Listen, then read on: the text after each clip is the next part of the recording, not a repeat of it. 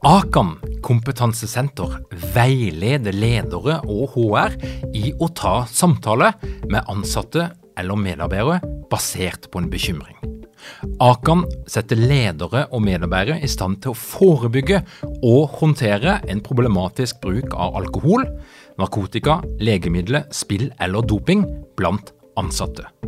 Ønsker du å lære mer om god forebygging og gjennomføring av samtale med en som du er bekymra for? Da kan du nå få tilgang på Akan sitt digitale samtalekurs til spesialpris, kun 760 kroner.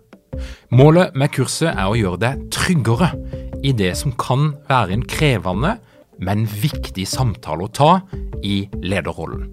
Du får tilgang til kurset med å gå til samtalekurs.no, samtalekurs.no, og bruke kampanjekoden LEDERPODDEN.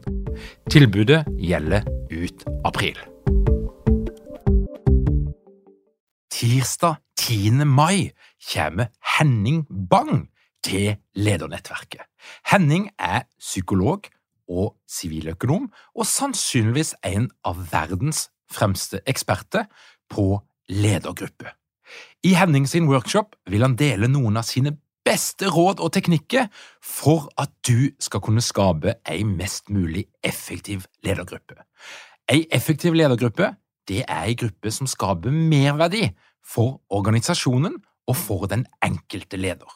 Mer informasjon og mulighet til å melde deg på, det finner du på ledernettverket.no.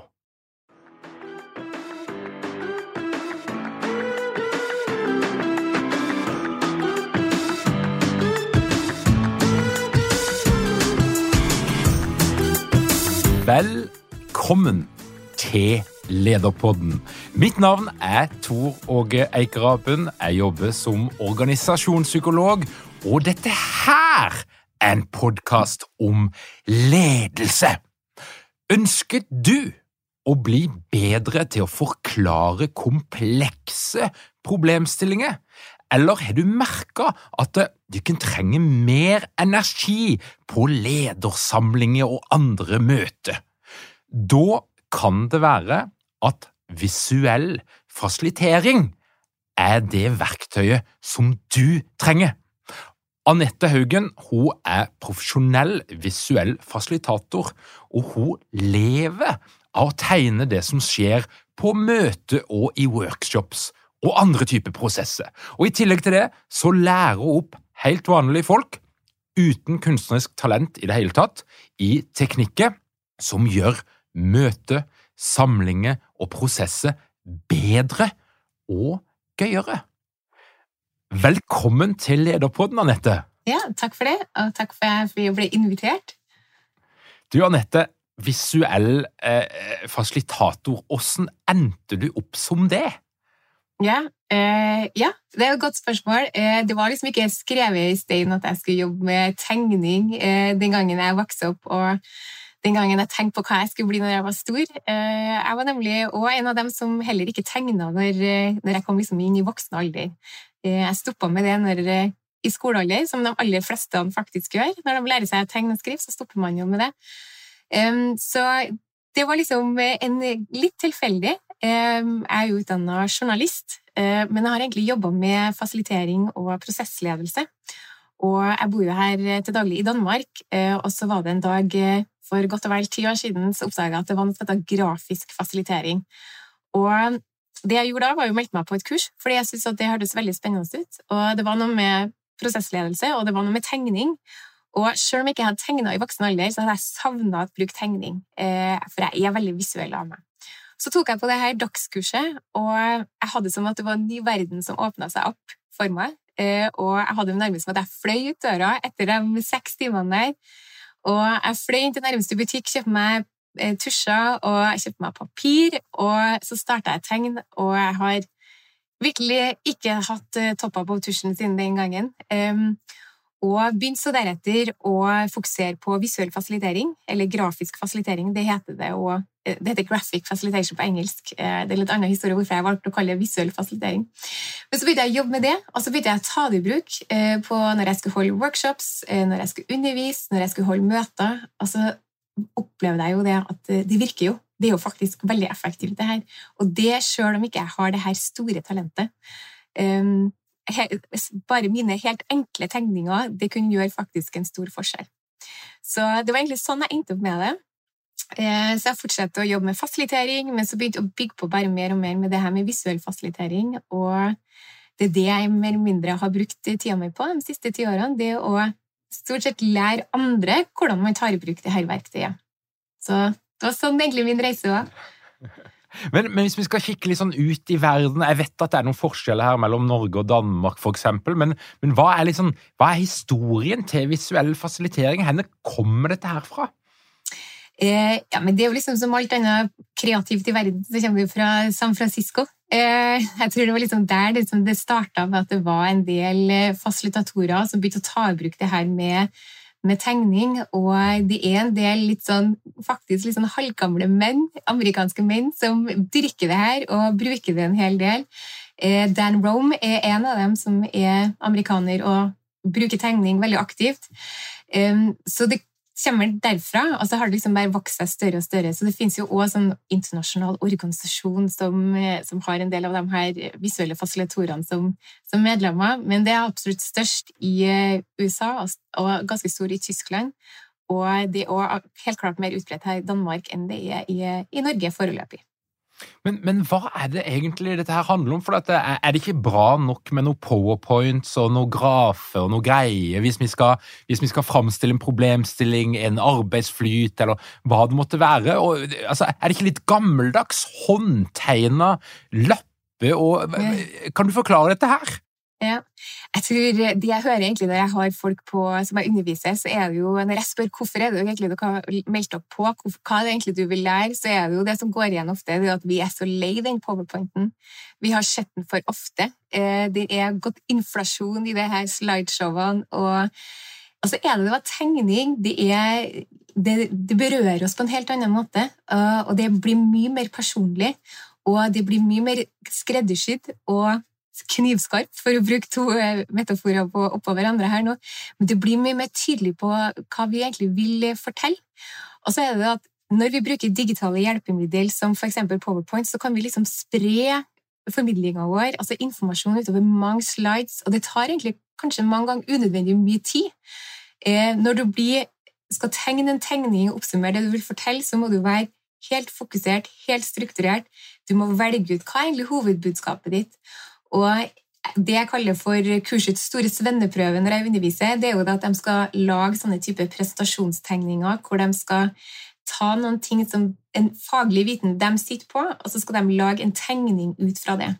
Og det veldig mange sier, er jo det at det er vanskelig, ikke minst utfordrende, fordi at oppi ens hode, når man sitter med denne ekspertviten, så er det jo så mye man vil fortelle, men det der med å bli helt konkret på hva du vil fortelle, og kunne tegne det ut, det er veldig positivt. Både for avsender og mottaker, ikke minst, som får et klart og tydelig overblikk og et godt bilde av hva det egentlig som vil bli fortalt. Så ja, jeg kan gi deg masse gode eh, argumenter for hvorfor tegning er så mye bedre, men det er kanskje hoved... Altså, det blir mye mer nært, personlig, og altså er det nemlig sånn at de her digitale fremstillingene vi har, eh, vi har sett det før. Vi drukner jo informasjon i dag. Sånn, vi blir jo bombardert med informasjon både til venstre og til høyre. Og det med å kunne navigere i denne informasjonsstrømmen er jo vanskelig. Og så er det at vi, vi, har sett det før, og det er vanskelig som avsendere å bryte igjennom. Eh, og når du får deg de her personlige eh, tegningene Jeg kaller det vi skal lage hjemmelaga tegninger med sjel og sjarme.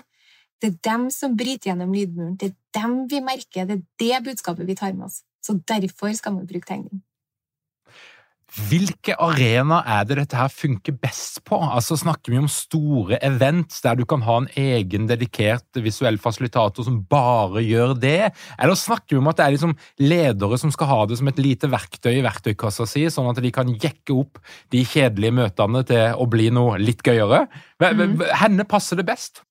Ja, men det er, sånn, det er et litt misforstått eh, Det der med at tegning skal være underholdning. Jeg litt, går litt vekk fra det, nemlig, fordi det er ofte det at du blir hyra inn sånne visuelle fasilitater på konferanser og seminarer, hvilket er veldig bra. Jeg, det gjør jo det at man nettopp får laga sånne fine oppsummeringer. Men det er jo ikke bare for underholdningsverdien vi skal gjøre det, det er jo fordi at det faktisk har et effekt for oss. Og når vi snakker om arena, så er det sånn at eh, jo, den ene er jo det at man lager de her visuelle referatene, oppsummeringene fra både møter, seminar, konferanser og sånne ting. Men jeg pleier å skille mellom eh, visuell fasilitering er todelt. Altså, du har den her som presentasjonsverktøyet, formidlingsverktøyet, og så har du prosessverktøyet. Og hvis man som leder, så er det sånn at man står jo i veldig mange situasjoner hvor man står og har en faglig viten som skal formidles. Og det å kunne ta i bruk de her tegningene da, nettopp som jeg var inne på, det med å gjøre det skarpt, tydelig hva man vil fortelle, det er den ene veien man kan gå. Men så har man jo som leder òg, man kjører jo enormt mange prosesser. Og det kan jo være helt fra de små eh, daglige eller ukentlige møtene man holder, det kan være workshopene man holder. Men så er det jo ingen tvil i dag, det har jeg jo erfart når jeg har besøkt alle de her bedriftene, at vi er jo de aller fleste er i en eller annen omstilling, endringsprosess. Eh, og den ene har en tendens til å overlappe den andre. Eh, og her er også tegning et utmerket eh, verktøy for å nettopp skape et overblikk, en struktur, eh, i hvor er det vi er, og hvor er det vi skal, og hvordan type faser er det vi skal gjennom. Og det er jo klart, Tegning er mye mer tydelig det enn at du skal ha deltakerne, eh, de ansatte, som skal gjennom den prosessen, til å lese gjennom en sånn dreiebok på alt som skal gjennom, eller en, eh, en beskrivelse. Det det de kan se denne tegningen og se ok, vi er her, og vi skal dit. Og her er jeg, og her er resten av teamet, og det er det vi skal. Og det de må få det kartet, det kan være utrolig verdifullt. Hvordan, gjør en det rent praktisk når en da sjonglerer? For jeg mener, eh, det, det, å tegne krever vel litt konsentrasjon, og at du må snu ryggen til de du jobber med, at du, du trenger litt sånn tid for deg sjøl, eller, eller, eller, blir folk så gode at de snakker og tegner samtidig, og alt skjer parallelt? Eh, ja, men Det er jo forskjellige måter man kan eh, bruke det på. Altså, de er inne på at denne med Presentasjonsdelen det er jo gjerne tegninger som du har tegna sånn på egen hånd for deg sjøl før du skal fremstille noen ting. Så da er du liksom kan du planlegge og lage en liten kladde hvis du har bruk for det. Og så er det den der prosessverktøyet, men da har du liksom forskjellige måter å gjøre det på. Du kan tegne in the moment, som man kaller det. Eh, sånn som du sa, så tegn mens gruppa er i gang. Eh, eller så kan man jo bruke det som vi kaller for visuelle maler, som er litt sånn prefabrikerte tegninger som du tegner på forhånd, og som du bruker som et slags styringsverktøy. og så tar du med deg den tegninga, og så er det den tegninga som på en måte fører dialogen snakken igjennom. Og så kan du fylle på med tekst. Og det er jo veldig viktig det med at veldig mange fraholder seg med å bruke tegning som verktøy fordi man overkompliserer det. Man tenker at man skal tegne alt det som blir sagt, og alt skal med. Eh, men det beste tipset og det beste verktøyet jeg kan gi, det er det med å lære seg noen få gode ikoner. Eh, og når vi bruker ikoner i arbeidssammenheng, så det er ofte viktig å kunne tenke i metaforer. Fordi at veldig mange ord, uttrykk, begrep som vi bruker på jobb, kan ikke oversettes direkte til et ikon. Så vi må bruke, eh, vi må bruke metaforene. Så når man står in the moment der, i situasjonen og skal tegne, så er det ikke det at man skal tegne alt. Noen ganger skal man bare tegne en enkel metafor, og den metaforen gjør at samtalen får et felles tredje som man kan snakke ut ifra. Så det gjør at deltakerne får et felles referansepunkt som vi kan navigere eh, fra. Og det man ser når man gjør det på den måten, det er jo at folk ofte begynner å peke. De begynner å peke på det her eh, ene ikonet. Eh, fordi jeg tror alle sammen kjenner igjen til det med å være med på et møte, en situasjon hvor ordene bare blir kasta opp i lufta. Og lufta blir tung, og det er liksom ikke fremdrift i det hele. Det går litt i stå, og Mener jeg det samme som den andre? Er vi enige? Men hvis du bare tegner den enkle metaforen, så kan det ofte være nok til å liksom skape samling, et felles språk, man, noen ting man kan snakke ut ifra. Og så kan man spe på med tekst. For det er jo nettopp det med visuell fasilitering at det er jo ikke bare tegninger, det er jo òg kombinasjonen av tekst og tegning som er det helt uh, særlige. Er det noen sånn Jeg tenker jo ofte på altså Når jeg hører du snakker, så tenker jeg jo litt sånn De her moderne metodene for innovasjon, design thinking, Google sprints og den slags. Mm. Er, det, er, det, noe kobling der? Er det sånn at visuell fasilitering passer spesielt godt til én type metode, eller, eller brukes det helt fritt? Altså Ja. Eh, det er jo det som er så bra med det, at du ganske fint og enkelt kan kombinere med de andre, de andre her type metodene. Og så er det sånn at Man skal liksom ikke tenke visuell fasilitering som én metode, eller det er et sett med verktøy. Det er forskjellige retninger, forskjellige måter å bruke det på. Um, som jeg sa, det er en todelte med at du har prestasjonsdelen og prosessdelen, og så har du forskjellige retninger innenfor dem igjen. Eh, men når jeg underviser og har folk på kurs, så har jeg massevis av eh, UX-designere, tjenestedesignere, jeg har folk som jobber med lean, jeg har folk som jobber agilt. Altså, det er en god blanding av de her typene som kommer på kursen, som vil spe på de type metodene de har, med å kunne bruke visuell fasilitering i tillegg. Så det, den lener seg tett opp til, eller i hvert fall et godt supplement eh, til de, andre metodene. Så det ene utelukker absolutt ikke det andre. Og det som er absolutt fordelen med å kunne lære seg visuell fasilitering og de tilbakemeldingene jeg får, det er jo nettopp det at det er så matnyttig. Det er så lett anvendelig og så praktisk. Eh, egentlig uansett hva man jobber med. Og eh, lang tid bruker du ifra null talent, null ferdigheter, der du skammer deg for å tegne noe som helst, til å være sånn god nok? Ja, det var også et godt spørsmål. Eh, det er veldig individuelt, helt klart.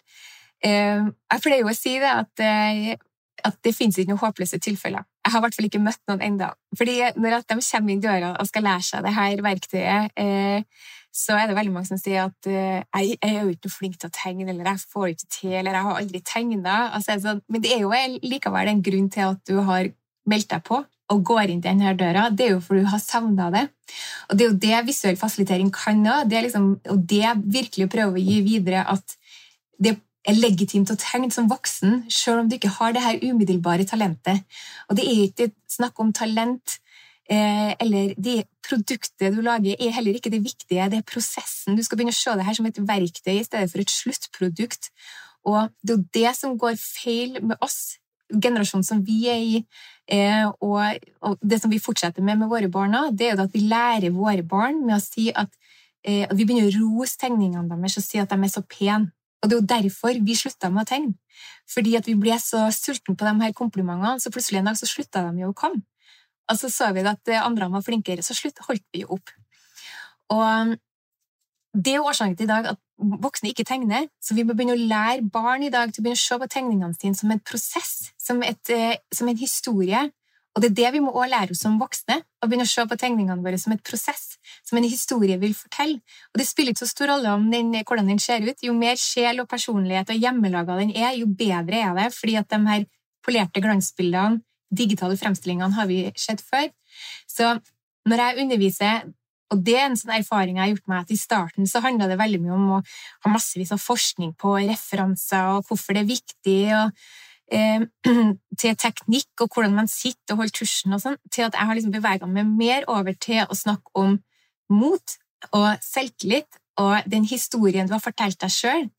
Og jeg opplever òg at veldig mange, når de begynner å lære det her verktøyet, eh, eller begynner å lære seg tegn, ganske enkelt, eh, så blir det en form for personlig utvikling Fordi at det er så få voksne i dag som lærer seg nytt. Altså, vi har liksom nå, generaliserer jeg veldig, men veldig mange har en sånn eh, Vi kan det vi kan, og det er fint. Og det å liksom ta i bruk en sånn Lære seg en helt ny ferdighet, det er det veldig mange som har tenkt at eh, ja, men det er ikke vits, eller det kan ikke Så jeg legger stor vekt på det her med tegnemot, og jeg har noen regler når jeg underviser, og det er at det ikke er lov til å mobbe egen tegning. Og det gode med den regelen er jo at når du har hørt den én gang, så gjelder den til evig tid. Så den repeterer jeg og nevner jeg mange ganger. Og jeg snakka faktisk med en kunde her om dagen, og hun sa hun har vært på Kaffebrenneriet. Og så hørte jeg på nabobordet at eh, ja, men du må ikke mobbe din egen tegning. Og så tenkte altså, jeg tenkte Lotte ja, men å, de, de, har vært på kurs med Anette. Så det er jo artig å høre at det har spredd seg, det med å ikke mobbe egen tegning. Og eh, jeg snakker veldig mye om det der med hjemmelaga tegninger og din visuelle stemme og din måte å gjøre det på. Fordi at Det fins ikke noe rett og feil måte å tegne på. Så skal, man skal bare dyrke og finne sin egen, egen, visuelle stemme og holde fast i den og ha trua på den. Så, men når det er sagt, så når jeg har De aller fleste har jeg sånne opplevelser av tar i bruk det ganske umiddelbart etterpå. Og tegner løs og kaster seg ut i det. Og jeg legger vekt på det at det er ikke noe vi skal øve oss på, vi skal praktisere det. Vi skal ganske enkelt eh, lære noen enkle teknikker, og så ta dem med oss på jobb, bruk det, og så får du de gode tilbakemeldingene fra de andre. Fordi at folk er så sultne på de her tegningene. De vil så gjerne ha, de er så lei av dem her på.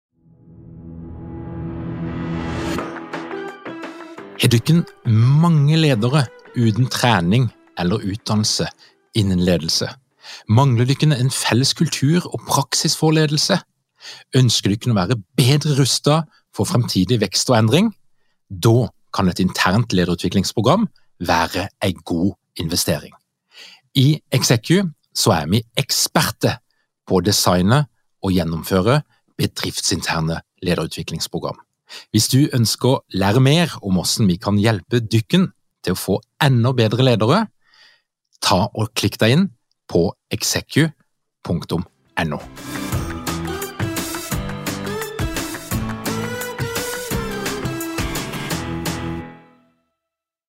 Så le av all denne teksten. Så når du kommer med dine hjemmelaga tegninger, så klapper de med hender og blir kjempebegeistra. Og så tenker de nå skjønner vi det, nå fatter vi det.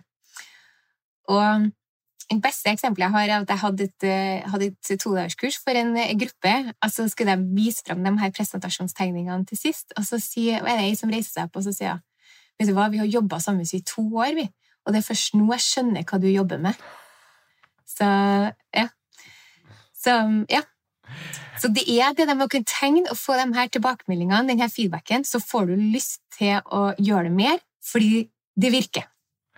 Dette her er, jeg tykker det er veldig gøy å høre, for, jeg, kjenner igjen noe som jeg begynte å tenke på. Det, det er at det fins på YouTube noen sånne eh, filmer som eh, illustrerer dette her med agilitet og agile metoder, eh, autonomi og viktigheten av det.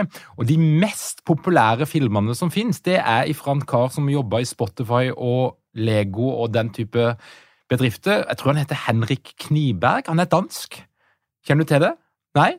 Men, mm, nei. Nei, men altså, her er det mange selskaper som har brukt millioner på å produsere fantastiske reklamefilmer med massevis av klipp, men de ligger langt ned på lista, mens de som er på toppen av de mest populære og mest sette filmene, det er enkle, animerte tegninger, som er mm. tegna litt på den måten som du beskriver. Mm. Ja. Og En av eksemplene jeg pleier å ta fram, det er at jeg husker at det er noen del år siden, men eh, i Forsikring de hadde en sånn eh, reklamefilm på TV med en sånn strekmann som gikk. Som var en sånn helt enkel strekmann som var tegna litt skjevt og litt rar. Og Den husker jeg fortsatt, nettopp fordi den var så enkelt. Og det er noen ting jeg legger litt vekt på, det at noen ganger kan man gjøre ting eh, uperfekt med vilje.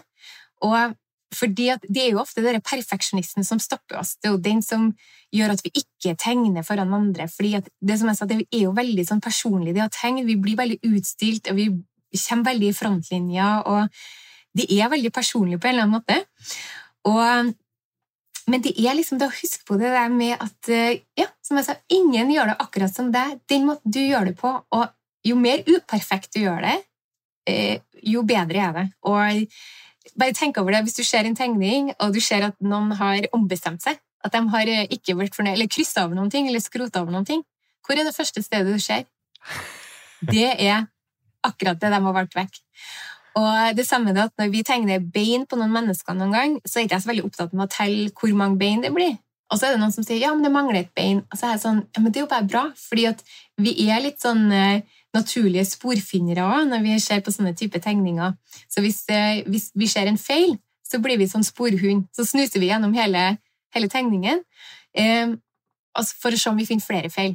Eh, og da er vi liksom inni tegningen. Og det er jo noen ting jeg har tatt med meg fra journalistikken. Så tenker man jo veldig når man skriver en artikkel, at man skal ha innganger til en innganger for å få lokka mottakerne inn. Og det er jo sånn hovedrubrikk og bildetekst og sitat. Og feil på tegninga er sånn gode innganger, nemlig. Sånn bevisste feil at det ser litt rart ut, ser litt feil, du har kryssa over noen ting, så har du, eh, så har du liksom lokka mottakerne inn nettopp fordi at det er uperfekt.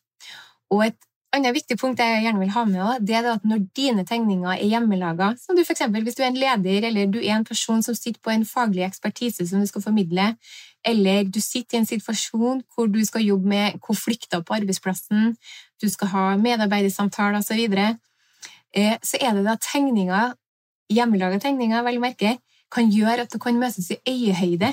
At det er litt sånn Ok, du deler noen ting av deg sjøl som er litt sånn uperfekt, som gjør at det kanskje kan være enklere for vedkommende til å åpne litt opp og ja, du møtes litt eh, på samme nivå. Så som sagt, jeg bruker enormt mye tid på mine kurs til å legge vekt på det her med, det her med å tro på streken sin, ganske enkelt. Tro på den måten at man gjør det på, er godt nok, og at det er ikke noe mål å gjøre det perfekt. Det er faktisk en ulempe. Så som leder så kan du faktisk framstå som mer menneskelig. Det er nesten som å by på litt sårbarhet. Det å å tegne. Hvis jeg skal strekke det skikkelig langt, så er det jo et begrep vi snakker ofte om i denne podkasten, og det er psykologisk trygghet. Og vi kan nå kanskje, kanskje tenke oss at en tegnende leder er med på å øke den psykologiske tryggheten, fordi at du, du viser litt av deg sjøl, du tar litt sjanse, du gjør deg litt sårbar. Mm, ja, helt klart. Eh, det, det er vi i hvert fall påstå det. Så, og spesielt hvis det, man tillater seg sjøl til å la det være litt sånn uperfekt. Og det er derfor jeg sier at etter man har liksom lært seg liksom de basiselementene, Eh, så trenger ikke man å sitte ved kjøkkenbordet eh, hver uke og øve seg på ting. Du skal øve deg på jobb, du skal praktisere det på jobb, fordi at eh, det er på den måten du liksom i, får testa det, får merka hvordan det er, og får denne feedbacken. Og jo mer på en måte pen streken din blir, jo dårligere blir det. Ganske enkelt. Så, så, det du sier nå om det er at, at, de som virkelig tar dette her i bruk, de gjør det nesten til en vane. Altså Det er ikke noe som du gjør med spesielle anledninger, det er noe du gjør hele tida. Ja. Du har en flip-over stående der, og, og, du bruker det. Mm.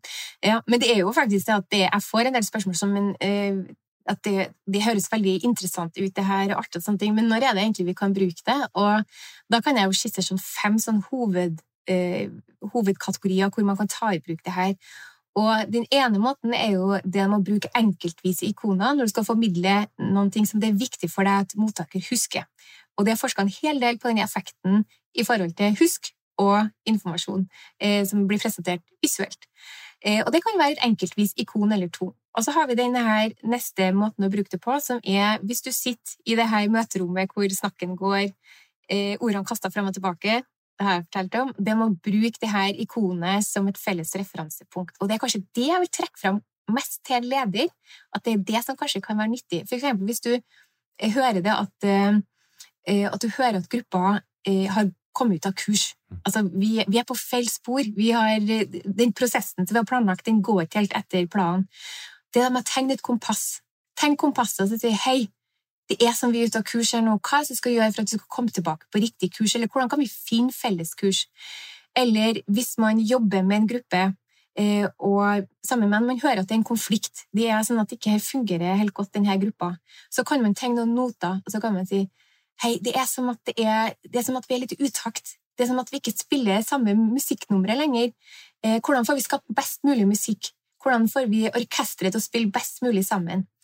Eh, så det er sånn få enkle, få enkle, ikoner man kan tegne, nettopp for å skape denne metaforen til å kunne snakke om noen ting som faktisk er litt vanskelig. Men det er jo det metaforer kan. Oversette noen ting som er komplekse og vanskelig, til noen ting som er gjenkjennbart, og som vi kan forholde oss til. Og derfor er det jo Det ene er jo det med å bli en god eh, visuell fasilitator, er jo det liksom å ta i bruk tegning, men eh, du skal òg ta, ta, i bruk ørene.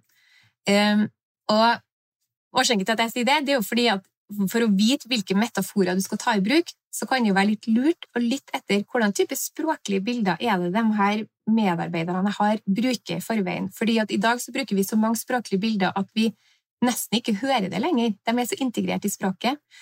Og så hvis du eksempel står som leder og hører at eh, noen sier det er som vi har gått på en mur. Det er som at Vi har sånne mur foran oss. Og Det kan både være på et personlig plan, men det kan òg være grupper eller prosjektet som faktisk har møtt denne muren, denne motstanden. Og da kan du jo tenke sånn Aha, da vet jeg jo det er muren jeg skal tegne. Så tegner du muren, og så får du skapt denne her eh, noe fysisk, noe håndgripelig som du kan ta utgangspunkt i når man skal løse denne problemstillinga. Hvordan type murstein er det som muren består av? Eller du hører eh, det er som at lufta har gått helt ut av ballongen. Så tenker du da tegner jeg en ballong. Og det som skjer da, og en nål som stikker hull på ballongen. Og det som skjer da når, eh, når gruppa, eller dem som har sagt det her språklige bildet, tenker sånn Men du forstår jo meg. Du har jo forstått akkurat hva jeg mener. Og så kan man jo sammen skape et sånt fellesspråk. Og veldig mye av det her skjer jo litt på et litt sånn ubevisst plan òg. Så det er litt sånn lurt til dem å kunne lytte etter de her gode språklige bildene. Eller, ja, og metaforene, så du vet hvilke metaforer du skal bruke. Og en annen ting som jeg vil trekke frem, det er det med at hvis man bruker det som et prosessverktøy og skal tegne eksempel sånne prosesskart som jeg er inne på, som er den tredje måten å bruke tegning på, eh, så er det det at det kan være lurt å vite litt om eh, hva er det folk liker på fritida. Er det her folk som ligger i hengekøya si i marka og tenner bål og trives med det, eller er det folk som liker å dra på sjøen, eller folk som liker å gå på ski? Eh, er det veldig mye hagefolk her? Fordi det vil òg gi deg en sånn idé om hvordan type historie du skal invitere dem i. Eh, og for eksempel hvis du har det folket det, som Jeg vet jo at denne hengekøya boosta jo veldig under pandemien. Eh, så kan man jo tegne det her kartet hvor man kan bestige et fjell, hvor, altså hvor milepælene er de her basecamp, hengekøya, og du kan tegne bålet. Det er jo nesten sånn at de kan lukte bålkaffen. Og det er jo ikke bare for at det skal være underholdning, det er jo ikke bare for at det skal være artig. Selvfølgelig, det er jo litt mer underholdende enn punktlista, men det er, det er jo fordi at når man kikker på det her, og blir invitert til en sånn historie, så får man ofte noen gode eh, assosiasjoner. Og når man får gode assosiasjoner, så får man ofte noen gode emosjoner. Og de kan jo på en måte benytte seg og utnytte litt i den arbeidsprosessen man skal i. Så tegning rører oss, det gjør noe med oss å få servert sånne tegninger. Så, og da var jeg jo på den tredje, skal jeg hoppe til de siste, to siste her. Eh, strategien syns jeg òg vi skal snakke litt om. Det er òg eh, ting som ledere står og Det blir holdt, brukt enorme ressurser på å lage strategi, på strategiarbeid. Det som eh, ofte, eller noen ganger kan skje, er jo at strategiene blir fine dokument med abstrakte ord eh, som kanskje havner i skrivebordsskuffa fordi at de blir litt for vanskelig å oversette til praktisk dagligdags handling. Og at eh, noen kanskje har litt vanskelig å se seg sjøl i denne overordna eh, bedriftsstrategien. Så det med å få tegna det ut, få tegna ut denne historien, få tegna ut strategien, så vi ser så at eh, de ansatte eller medarbeiderne kan se hvor, hva, hva er det hele bildet og hvor er jeg hen i dette bildet, og hvordan type rolle er det jeg kollegaene har, og vår avdeling har for, for, hele strategien. Og her i Danmark så vet jeg jo at det er veldig mange bedrifter som har sånne type strategitegninger hengende på veggen på arbeidsplassen. Og det er jo klart at det forplikter jo i ganske høy grad at man blir hele tida eksponert for denne strategien på daglig basis. Og man kan jo òg ha det sånn som skjermsparer på PC-ene til, til de ansatte, så hele tida blir eksponert for denne tegninga. Du virkelig får det her fine, gode bildet av hva er, det, hva er det vi skal for noen ting, hva er det som er viktig for oss som arbeidsplass. Og så er det den siste, den som jeg har fortalt om, det med presentasjonsdelen. Så det er jo forskjellige retninger og veier og måter å bruke det på.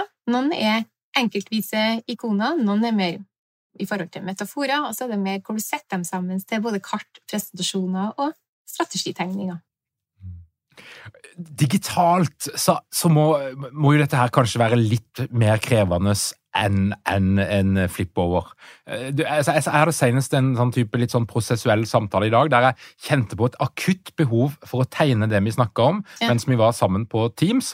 Og så ble jeg litt sånn satt ut av spill, for skal jeg gå inn i Miro, eller hvordan skal jeg gjøre dette her? Mm. Kan ikke du fortelle meg, Anette, hva er den beste måten å gjøre dette her på i digitale måte? Hva er din anbefaling? Det kan være det blir litt teknisk, men kjør på. Ja, Det er faktisk ganske enkelt. Eh, man kan gjøre eh, to ting sånn primært, som jeg tenker. Eh, det ene er det at du bruker din egen telefon. Du tar et papir, og så har du kanskje et stativ til telefonen, eller du har en sånn skrivebordslampe hvor du legger telefonen på. Så hvis du er Og da må du her er litt forskjell på Zoom og Teams. nemlig. Zoom er mye enklere å bruke enn Teams. Eh, men hvis du er på Zoom, så har du nemlig den der share screen, og så kan du velge iPad eller iPhone. Og så kan du velge telefonen din, og så kan du jo sitte og tegne. Eh, og så, tar, eh, så viser telefonen skjermbildet av det du tegner. Så det er jo den her mest basic, hvis du ikke har noen andre hjelpemidler. Men en del av oss i dag har jo iPads. Og jeg sitter sjøl og tegner på en iPad, og jeg har en Apple Pen.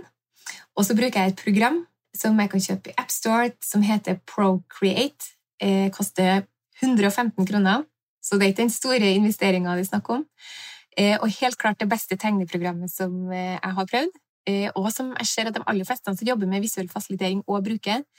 Eh, og så er det det jeg bruker. Så når jeg sitter og holder møter, så jeg til Så trykker jeg bare 'del skjerm', så tegner jeg på tegner jeg på. Og det er også den samme måten jeg underviser på. Så når jeg har undervisning online, så sitter jeg og bruker Procreate og tegner på den måten. Så det er faktisk ikke så fryktelig avansert. Og en annen ting som jeg bruker en del av, det er jo at jeg har tegna ferdig tegningene på forhånd, og så legger jeg dem inn som bildefiler. Og så får jeg deltakerne til å bruke denne eh, tegnefunksjonen i, eh, i Zoom. Den her som heter Annotate. Så de kan både skrive og tegne på den tegningen jeg har laga. Så det er litt forskjellige måter å gjøre det på, men eh, det fungerer i hvert fall litt bedre enn det der whiteboardet som er i Teams. Det er litt vanskelig å skulle tegne med musa, nemlig. Eh, men eh, det er de, fra den helt enkle med telefon og tusj og papir til, til, iPad og Apple Pen og Procreate. Og det er helt klart siste nevnte som jeg anbefaler. Åh, Tusen takk, jeg gleder meg. Jeg, jeg, kjenner at jeg er nå i ferd med å melde meg på kurset ditt. men, men eh, Anette, til, til, til, de som liksom har lyst til å bare komme i gang, altså gå fra null til én, eh, eh, hva mm. er det som skal til? Hva trenger du for noe? Jeg trenger en tusj, først og fremst. og mote til å ta topp av tusjen, ganske enkelt. Nei, eh, det fins eh, Hvis det er ett sted jeg skal trekke frem, så er det en sånn tysk webshop som heter nailand.com. Eh, det er et sted hvor du kan kjøpe tusjer. Men i tillegg til tusjer så har de òg en del sånne ikonbøker. Sånne helt vanlige ikonbøker. Så hvis man er helt fersk og man ikke har lyst til å tegne fra eget hode, så er sånne type bøker et godt sted å starte. Ellers, det beste tipset jeg kan gi, det er bruk øynene dine. Eh, det er litt sånn i dag at vi har, mange av oss har så travelt at vi oppi sitt eget hode at man liksom ikke observerer verden man går rundt i. Så det er man bør ta øynene i bruk og begynne å kikke på hvordan er det trær ser ut, hvordan er det bussen ser ut, hvordan ser PC-skjermen din ut, hvordan ser egentlig ting ut? Fordi når du virkelig legger merke til hvordan det ser ut, eh, så gjør det jo òg at å få liksom et visuelt minne av det, så er det jo enklere å tegne det. Og så er det jo det med å få eh, når man har litt sånn småslapp visualiseringsmuskel, som jeg kaller det, så handler det om å få kilometer inn i tagnehånda. Og flere av oss har jo den der tendensen til at man sitter og dradler litt når man er på møter eller snakker i telefon. Hvilket er bare positivt, har man funnet ut, for det aktiviserer flere deler på en gang. Eh, så kan man gå i gang med å tegne sirkler. Jeg kaller det sirkeltrening. Eh, så tegner du sirkel på sirkel på sirkel. Tenk 1000, og så tegner du 1000 firkanter. Og det er fordi at eh, det er de hovedformene i det visuelle alfabetet. Og i visuell fasilitering så tegner vi veldig enkelt. En veldig enkel strek. Vi tenker hele tida hvordan kan vi enklest mulig gjøre det. Så vi tar utgangspunkt i sirkelen og firkanten, og så tegner vi ikoner ut fra det. Så hvis du har sirkelen godt eh, innarbeida i tegnehånda di, at du kan tegne den nærmest uten å kikke på, på papiret, og har firkanten der òg, så vil du merke at alt glir lettere. Så så det er sånn rett og slett få kilometer inn i hånda med å tegne sirkler og firkanter til en start. Det er en måte å gjøre det på. Det er kanskje der jeg vil starte. Herlig. Anette, tusen hjertelig takk for at du kom til Lederpodden. Ja, takk for at jeg fikk lov til å være med og fortelle om tegning, og håper jeg fikk motivert noen til å gå i gang. Og så er det jo sånn, Anette, at eh, for de som vil lære mer, så kommer du til ledernettverket til høsten. Du er en del av høstens program. Så til alle de som lytter på, og som er liksom kjenner at de har lyst på litt mer, og de har lyst til å få trent litt og få litt av de her eh, verktøyene, så er det bare å komme seg inn i ledernettverket, så møter du Anette der til høsten. I tillegg til at du kjører egne kurs rundt forbi i landet. og i det hele tatt er ute på veien for å lære folk dette her håndverket. Til deg som hører på Lederpodden, tusen takk for at du gjør det. Hvis du er interessert i å bli oppdatert på alt det vi holder på med i vårt digitale lederunivers, så kommer du deg inn på lederpodden.no Trykk på den rette knappen, legg igjen din e-post, og da får du vårt nyhetsbrev hver eneste fredag. Og hvis du har lyst til å lære mer, så har vi en klubb, en forening, vi er en gjeng som møtes en gang i måneden, og alt om det finner du på ledernettverket.no. Takk igjen for at du hører på Lederpodden. Vi høres igjen om ei ukes tid.